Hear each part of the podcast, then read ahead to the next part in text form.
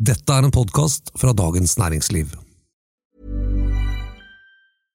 Imagine the softest sheets you've ever felt. Now imagine them getting even softer over time. That's what you'll feel with Bowl and Branch's organic cotton sheets. In a recent customer survey, 96% replied that Bowl and Branch sheets get softer with every wash. Start getting your best night's sleep in these sheets that get softer and softer for years to come. Try their sheets with a 30-night guarantee. Plus, get 15% off your first order at bowlandbranch.com. Code BUTTERY. Exclusions apply. See site for details.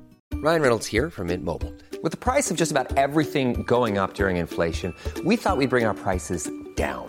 So to help us, we brought in a reverse auctioneer, which is apparently a thing. Mint Mobile unlimited premium wireless. Ready to get 30, 30, bit to get 30, bit to get 20, 20, 20, bit to get 20, 20, bit to get 15, 15, 15, 15 just 15 bucks a month. So, Give it a try at mintmobile.com slash switch. $45 upfront for three months plus taxes and fees. Promo rate for new customers for limited time. Unlimited more than 40 gigabytes per month. Slows. Full terms at mintmobile.com. When you're ready to pop the question, the last thing you want to do is second guess the ring. At Bluenile.com, you can design a one of a kind ring with the ease and convenience of shopping online. Choose your diamond and setting. When you find the one, you'll get it delivered right to your door. Go to Bluenile.com and use promo code LISTEN to get $50 off your purchase of $500 or more. That's code LISTEN at Bluenile.com for $50 off your purchase. Bluenile.com code LISTEN. Hvor bra er det for SV at Audun Lysbakken går av akkurat nå? Den siste ukens nyhetsbilde har faktisk brakt noen lyspunkter. Er det lov å håpe at demokratiet overlever likevel? Dette er den politiske situasjonen. En podkast om politikk fra Dagens Næringsliv med kommentator Eva Grinde og meg, politisk redaktør Fridtjof Jacobsen.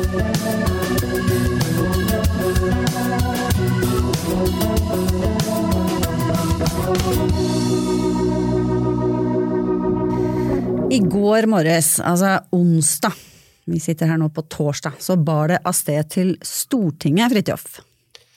Hva skjedde?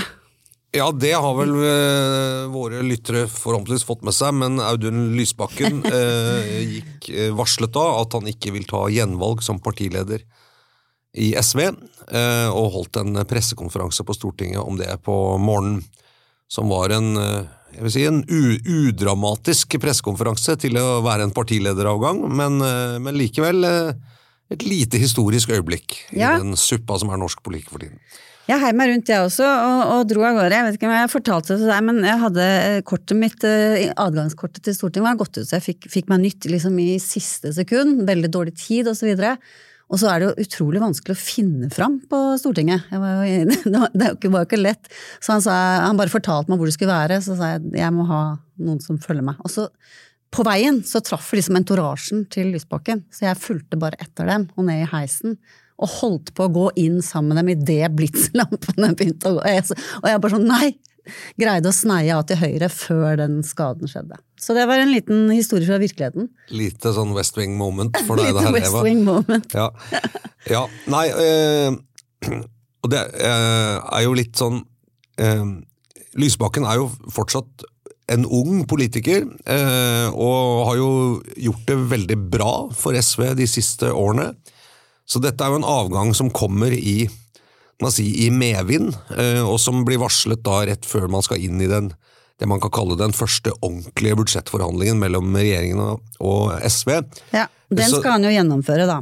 Ja, han skal det, ja. som leder da, av partiet. Mm. Eh, Men timingen er jo litt sånn ikke sant? Når andre partiledere går av, enten så er det som med Trine Skei Grande, da hun gikk av som venstreleder, så var det mange som mente at hun, hadde hun egentlig sittet et år på overtid. Det var mye styr rundt henne som lederkandidat, og en del bråk i partiet. Eh, Da Siv Jensen gikk av, eh, så var jo det på en måte kulminasjonen på at eh, hun ikke lenger klarte å holde Frp inne i regjeringen, og det gikk veldig dårlig for Fremskrittspartiet med oppslutning. Og også var en del bråk internt.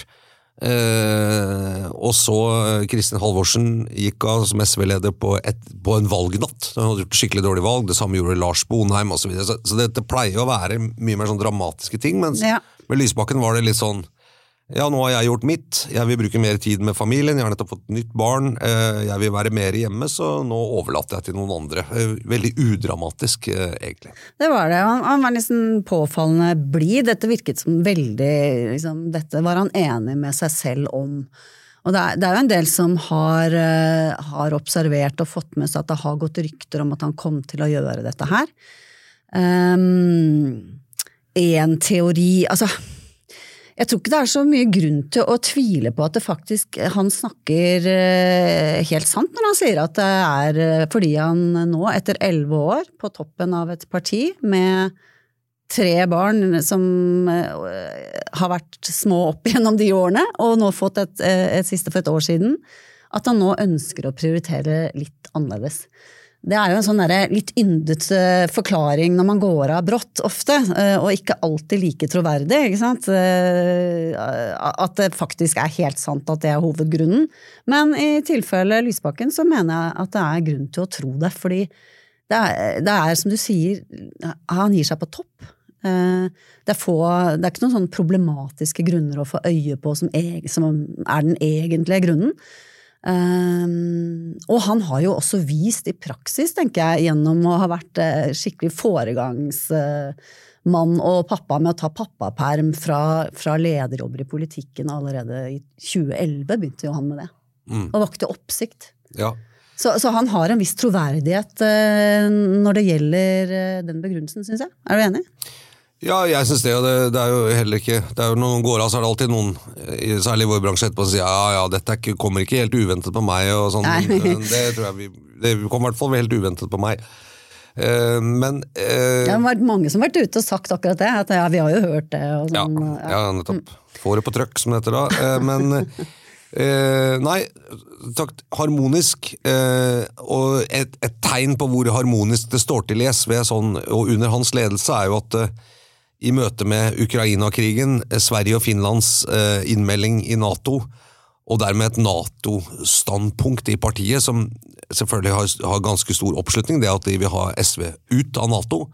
Eh, som et hvert fall mål, ikke sant? SV ut av Nato, ja. ja Norge ut Norge. av Nato, ja. Eh, eh, men, og det kunne jo, i et parti, hvis det har vært store interne stridigheter, så kunne jo dette lagd veldig mye styr ikke sant, i den situasjonen vi er nå. Men det også, den har liksom blitt håndtert helt greit. Det tror de har vært verre i Rødt enn det har vært i, i SV. Og det sier noe om Lysbakkens kontroll på partiet. Men det eh, kan også bli en liten sånn lakmustest da, på, på, på, hvor stor betydning han har hatt for, for den roen og det samholdet i partiet. Han la jo faktisk veldig vekt på det selv, han fikk det spørsmålet.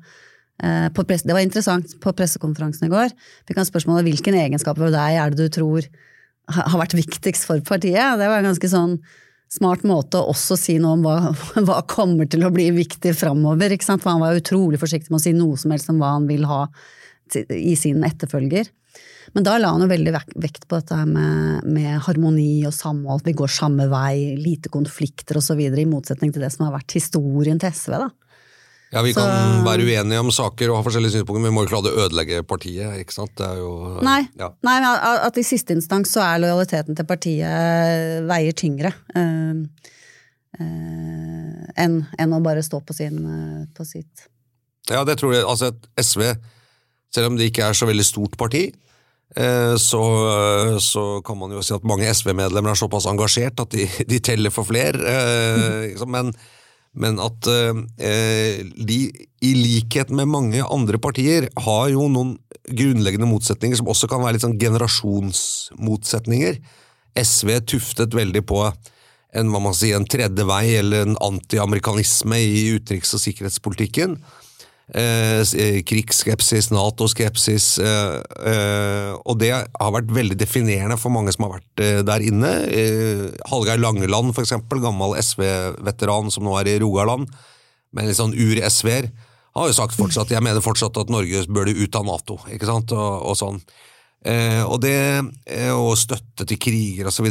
Så, men dette Og de, disse konfliktene tror jeg ligger der, og det, om ikke det alltid som en slags generasjonsmotsetning. Man det gamle SV eller det nye SV, det mer urbant, fremtidsrettet SV eller det mer dogmatiske, ideologiske SV. Og så er det ikke alltid at de som representerer de forskjellige fløyene, nødvendigvis skiller seg så mye i alder, men man kan snakke om det likevel som en slags sånn generasjonskonflikt, tror jeg da.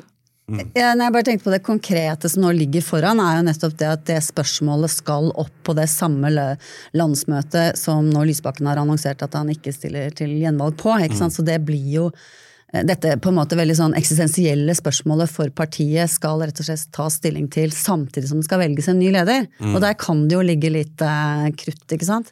Eller det de skal ta stilling til er vel om, om partiet fortsatt skal ha programfestet at de er imot at Norge er, er med i Nato. Ja.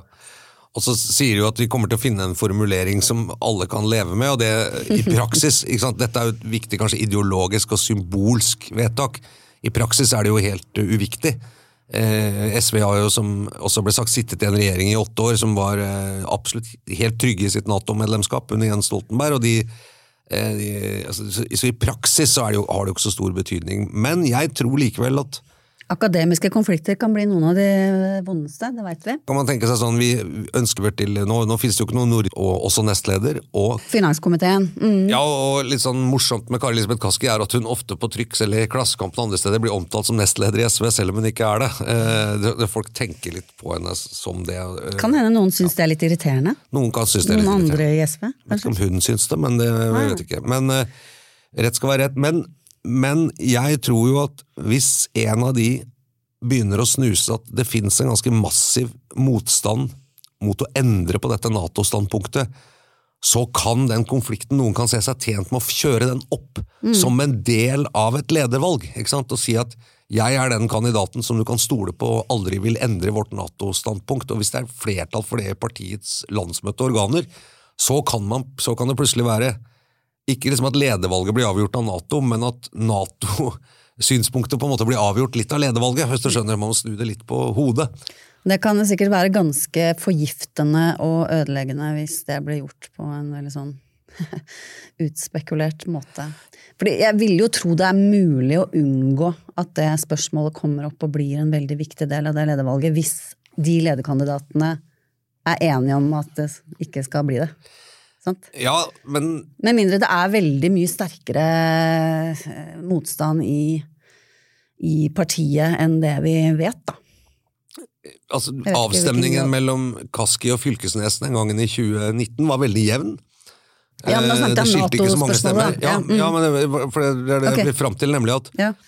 Så jeg tror i denne lederkampen, og det er jo i og for seg fair også, så, så, så er man jo nødt altså, Skal det være et rent personvalg og si at vi tre er enige om alt innen politikk? Det er bare hvem av oss syns du tror du vil gjøre det best? Jeg, jeg tror ikke det blir litt sånn, så jeg tror ledervalget kan hvert fall eh, få opp også det politiske konfliktnivået i partiet, som nå ligger og slumrer litt, selv om det er noen grunnleggende uenigheter i, i medlemsmassen der. da. Ja, Og men, det- men det å, uten, å liksom, eh, bevisst utnytte Nato-spørsmålet ja, Nei, det er jo ikke det eneste, eneste uenigheten man altså det, det er jo ikke det eneste temaet. Nei, det kan jo også være sant, en sentrum-periferi-dimensjon her, eh, selv om alle de tre kandidatene har, eh, snakker jo nordnorsk, men eh, Kaski er jo en Oslo-politiker.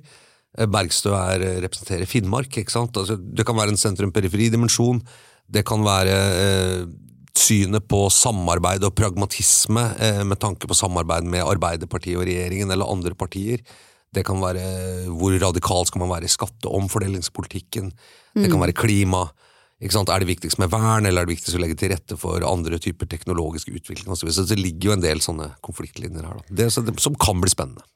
Ja, og, og um, Bergstø, tilbake til Nato-spørsmålet, hun var jo tidlig ute og sa at hun fortsatt var, eh, mente at Norge burde holde seg ute av Nato. Eh, og så har hun moderert litt etter hvert. Så det spørs. Jeg tror det var Bjørgulf Brånen, eller politisk kommentator i Klassekampen, som, eh, og tidligere redaktør, som, og kanskje også Mimir Kristiansson, som sa da dette kom opp, som sa det er vel ingen som mener at vi skal melde oss ut av Nato nå. Nei, Og det er liksom Nei, ok, altså så lenge Russland er en trussel, og, og sånn, så, så skal vi jo selvfølgelig ikke melde oss ut av Nato nå. Så, så det er et standpunkt vi har som er sånn Hvis som at det dersom at det er en eller annen tenkt fremtid at det er mulig, så kan Ja. vi gjøre det. og Hvis ikke man har bruk for Nato lenger. Men det, og det kan jo hende SV lander på et sånt standpunkt at uh, vi mener ideelt sett det, og det, det vil jo være uproblematisk for alle som skal samarbeide. antagelig. Det, det blir kanskje løst på den måten. Ja, jeg, tror, men jeg tror vi skal se litt etter andre politiske konfliktlinjer enn bare det spørsmålet, da, eh, som kanskje kan spille inn i dette ledervalget. Og, og Men det, har vi noen favoritter? Altså, er det noen grunn til å mene at noen av de tre står sterkere enn de andre? Det vil sikkert være ulike meninger i ulike deler av partiet, da, men um, Nei, jeg, jeg syns jo det er litt sånn fascinerende med ledervalget i partier, er jo at folk på utsiden kan ha veldig mye meninger om hvem som er best egnet osv. Det kommer litt an på ofte hvem man liker. Den, Det ble sagt eksempel om Kaski er veldig populær, men hun er veldig populær hos, mange, som, hos veldig mange som aldri ville stemt SV.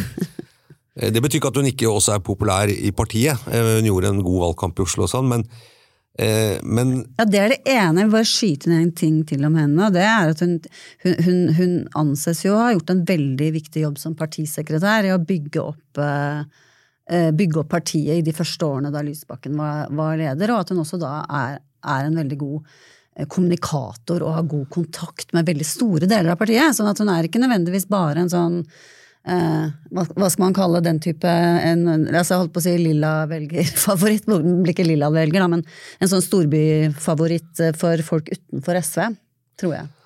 Så hun kan være Nei, hun er jo åpenbart en sterk kandidat, eh, men jeg men et, sant, parti, Når partiledere skal velges, så velges de av partiene, og partiene internt og sånn, er ofte litt andre samfunn enn de samfunnene rundt. Absolutt. Eh, og det betyr at det å ha liksom tillit i partiet som partileder sånn, kan, er ikke alltid de samme verdiene eller vurderingene som gjøres som vil bli gjort av omverdenen, og det, og det skal egentlig heller ikke være sånn.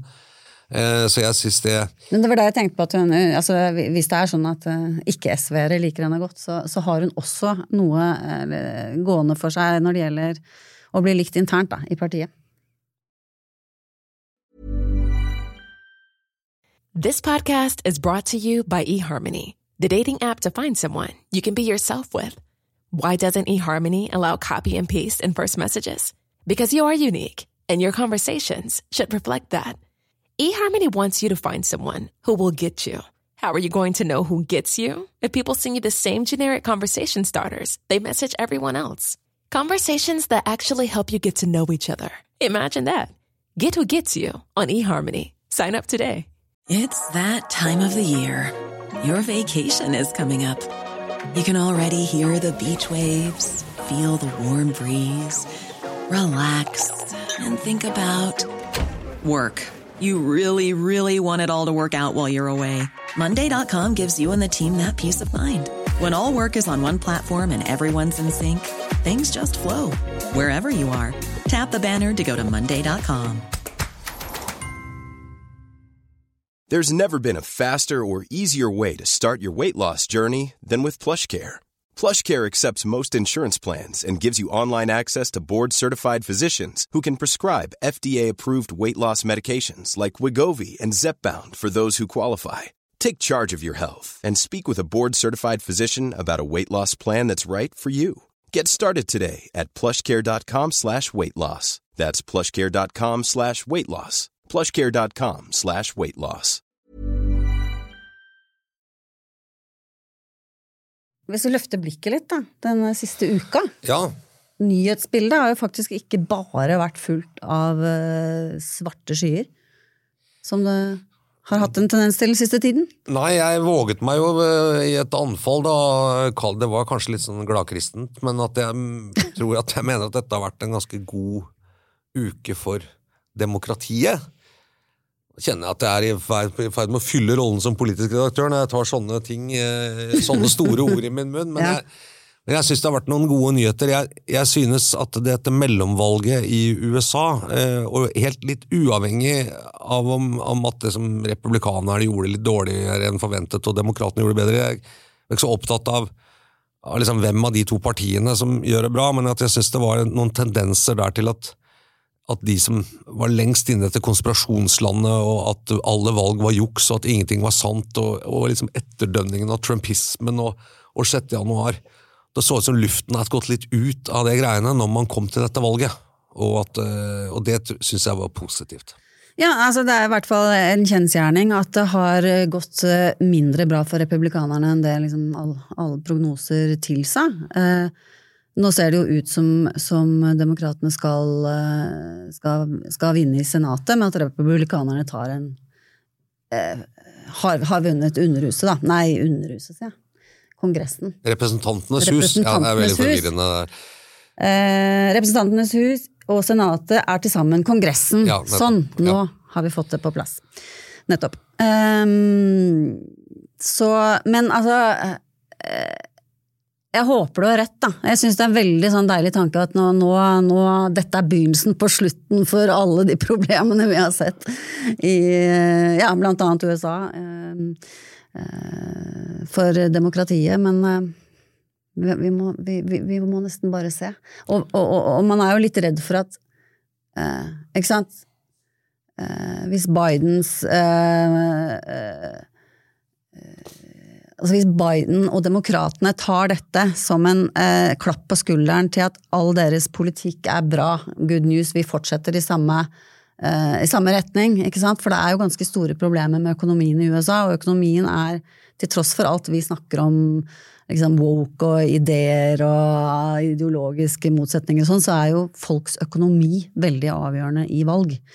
Eh, og hvis de på en måte kjører skuta helt i samme retning, og det går enda dårligere, at dette mellomvalget da vil egentlig berede grunnen for større sjanse for republikanske seier.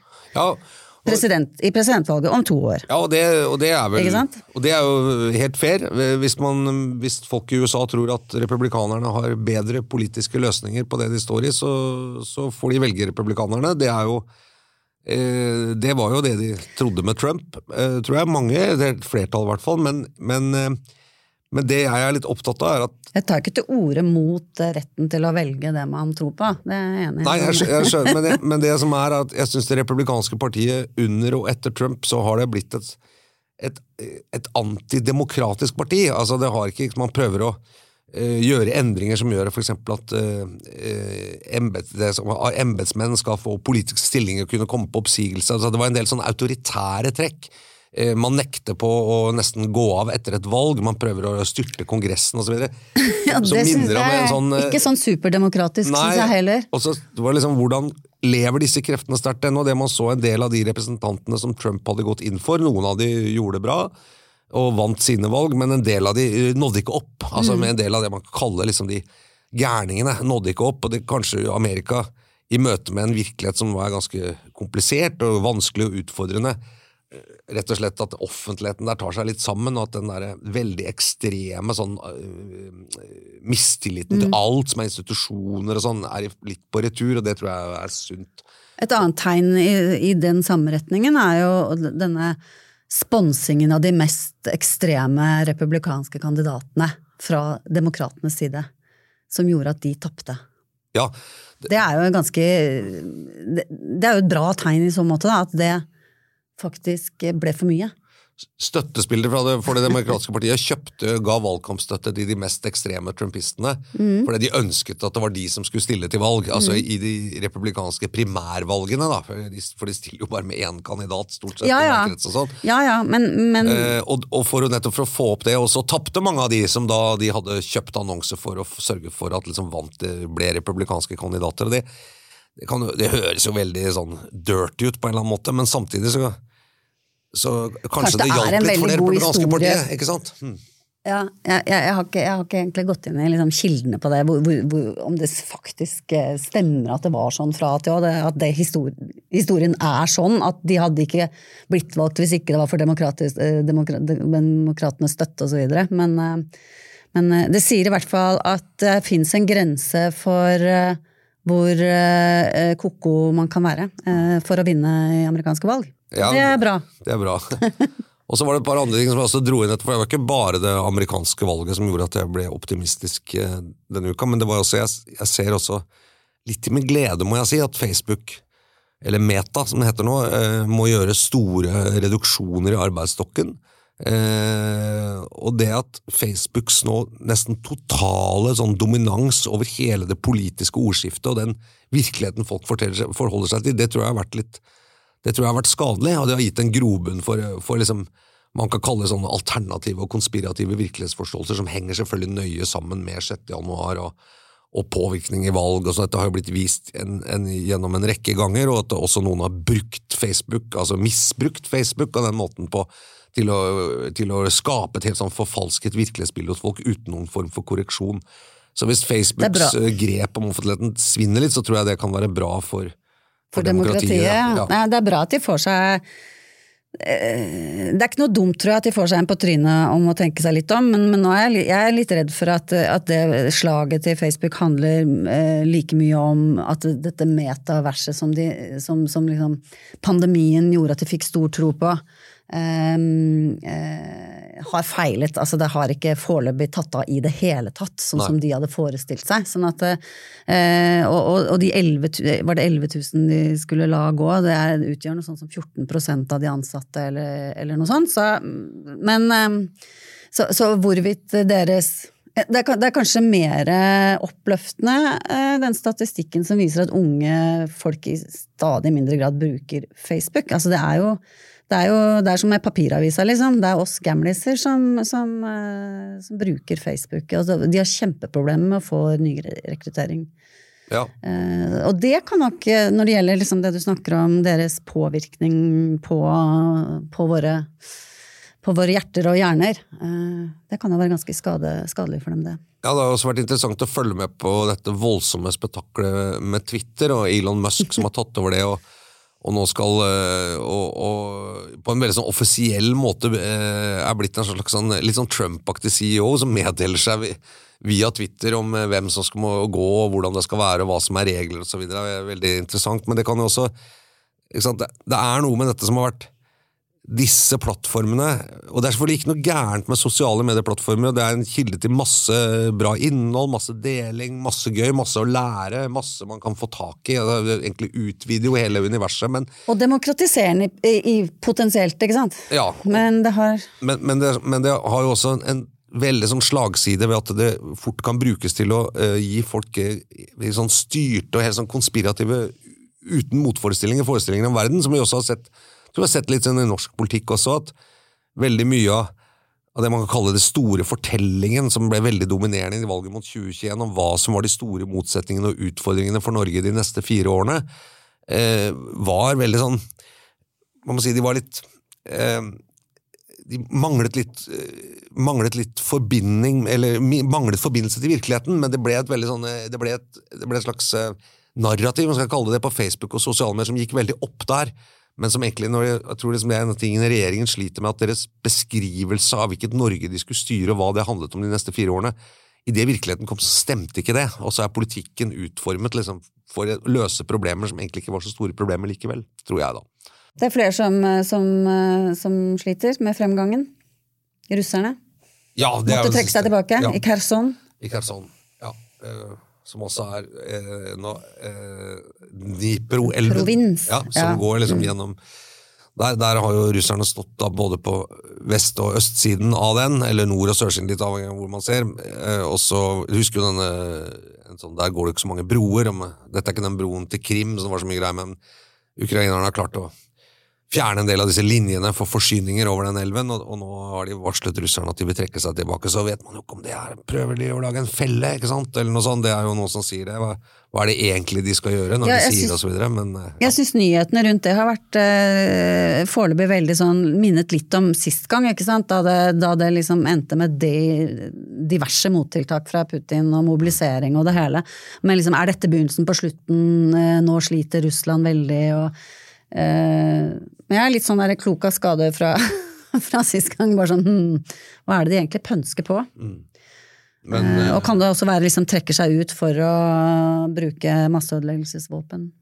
Ja, kanskje. Men for de som bor i Kherson, eller er derfra, så, så tror jeg i hvert fall det må være eh, fint om de da slipper å leve under en russisk okkupasjon, som de har gjort der. For vi har jo sett i mange byer som russerne okkuperte, ja. hvordan de holdt på der. Men, eh, det er et nederlag. Altså, ja. det, det, er vel ikke noe tvil om det? At det tolkes som et militært nederlag? Nei, og, og jeg, Det er vanskelig å kalle det noe annet? Liksom. Nei, og jeg tror liksom, i denne er det jo egentlig sånn Ukraina kjemper jo på en måte på vegne av de demokratiske landene i verden da, mot et totalitært autoritært regime. Så det er jo også en slags kamp mellom det demokratiske og det autoritære der, og da litt sånn i stort. Det er jo derfor denne krigen er viktig eh, for oss da i Europa.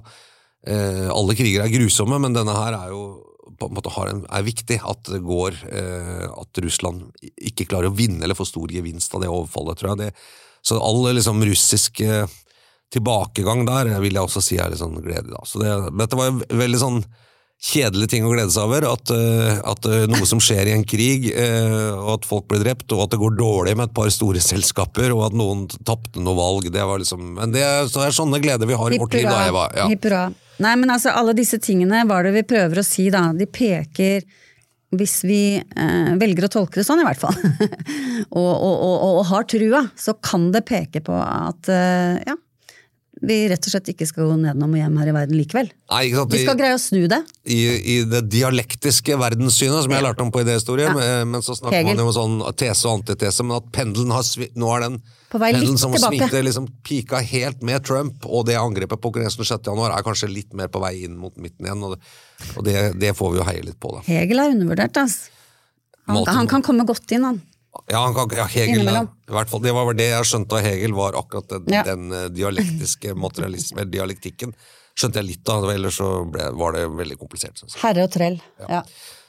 Ja, den får vi ta neste gang. Den tar vi neste Ja. gang. Vi er tilbake om en uke, kanskje da med noe om herre og trell. Eh, så får vi se hvem som er hva her. Kanskje vi skal Men eh, mer sånn dialektikk blir det i hvert fall mellom deg og meg, eh, Eva Grinde.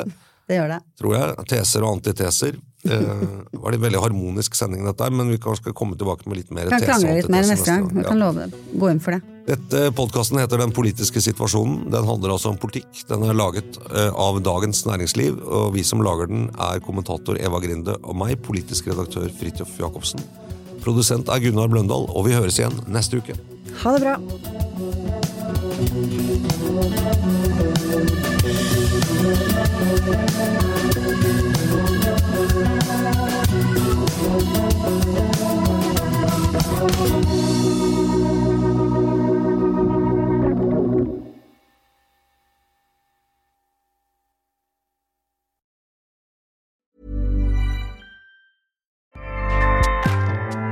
ACAST powers the world's best podcasts. Here's a show that we recommend. Are you a reality TV junkie? Do you ever think, dang, I wish I had someone to talk to about all the trash TV that I watch? Well, look no further, garbage lover, because Reality Gaze is a podcast for you. Hello, I'm Maddie. And I'm Poodle, and we're the Reality Gaze. We talk about all your favorite unscripted shows like The Golden Bachelor, Love is Blind, and TLC's big, messy behemoth, 90 Day Fiancé. And if you're driving to work, folding laundry, or just pretending to listen to your husband talk about sports, Just put on the pod, and you've instantly got two gay besties spilling all the tea and reading these people for filth. so come at us, y'all. Find Reality Gaze wherever you listen to podcasts.